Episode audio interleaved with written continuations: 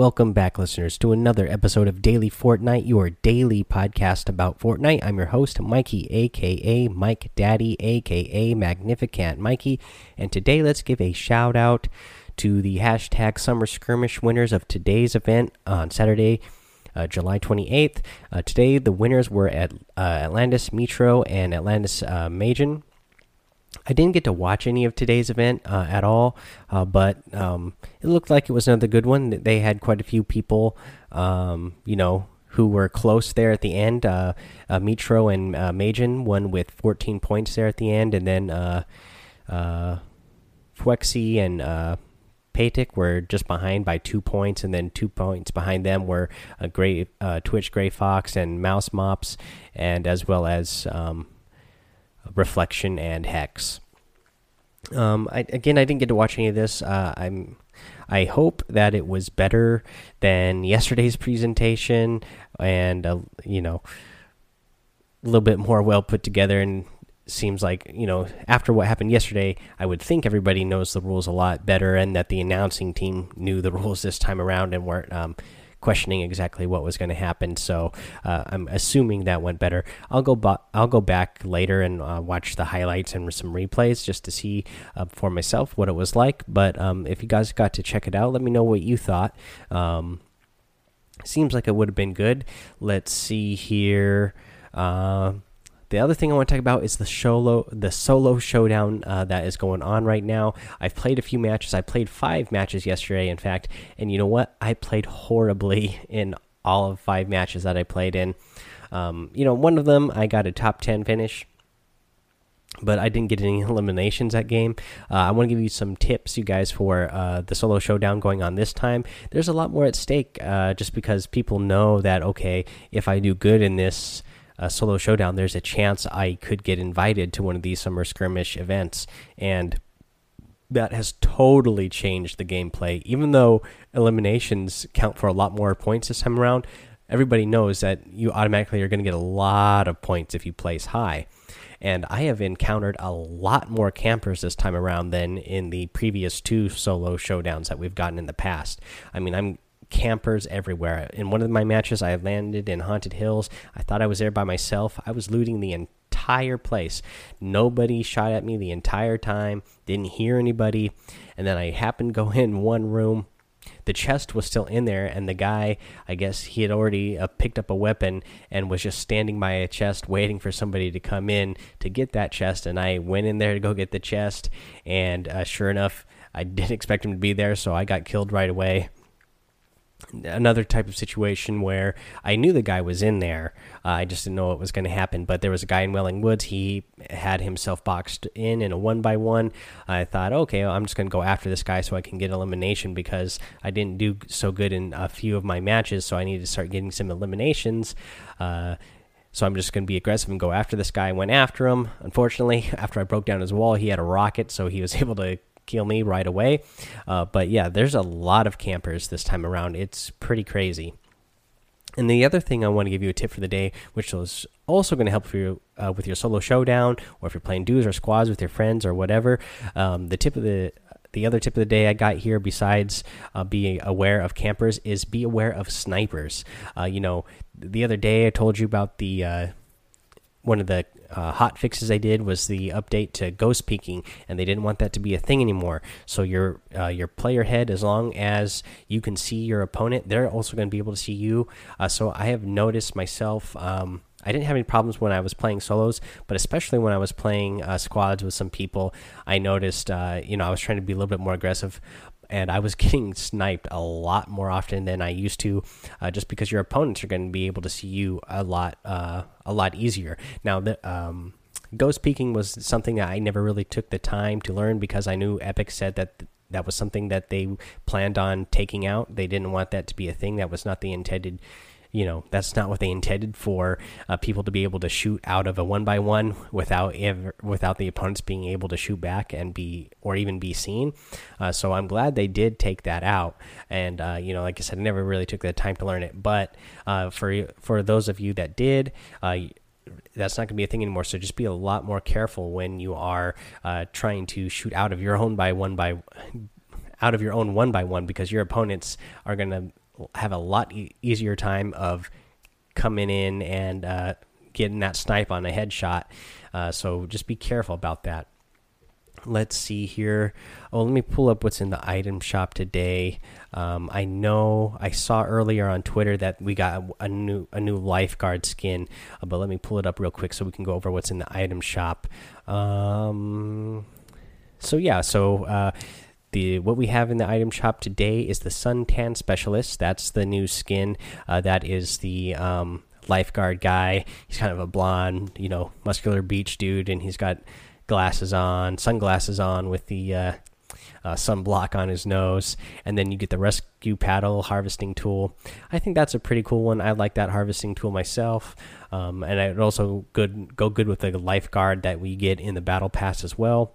And then in the daily items, uh, we have um, the Rusty Rider glider. You get the cutting edge harvesting tool. You get the rocket spinner emote. You get the Sash Sergeant skin. You get the rambunctious emote and the whiplash outfit. Um, I like some of these ones as well. The rocket spinner emote is cool. Uh, I like the Sass Sergeant and the Whiplash skins, uh, both of those. Uh, let's see here.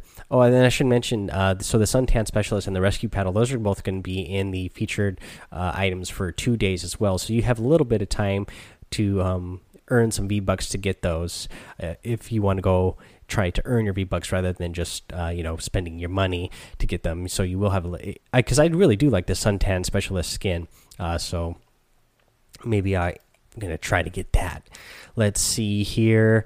Let's talk about, or let's get to some reviews. You guys came in hot today, so not only did you guys, um, you know, keep the streak alive so far, but I came in with a lot of five star reviews today. So let's get to them. The first one comes from. Um, I don't know. I see your username here. I don't know if you want me to read out your full name, so I'll just uh, call you John Breaker. Uh, John Breaker is actually also on the Discord. Uh, so, you know, you should all be like John Breaker here and join her on the Discord server. Uh, but let's get to her review. It's um, easy to stay on top of all Fortnite news, is the title. Again, five star review. Uh, this is my favorite podcast about Fortnite. I like how the episodes are short, but give you the latest info on the game in a consistent daily episode. A lot of podcasts are lot of filler, but I'm a fan of this format. This will keep you up to date on all things Fortnite.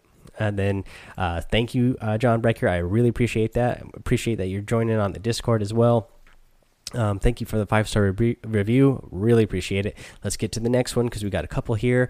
Uh, we got Charlie Gamer 300 uh, titled Awesome Pad Podcast, five star review.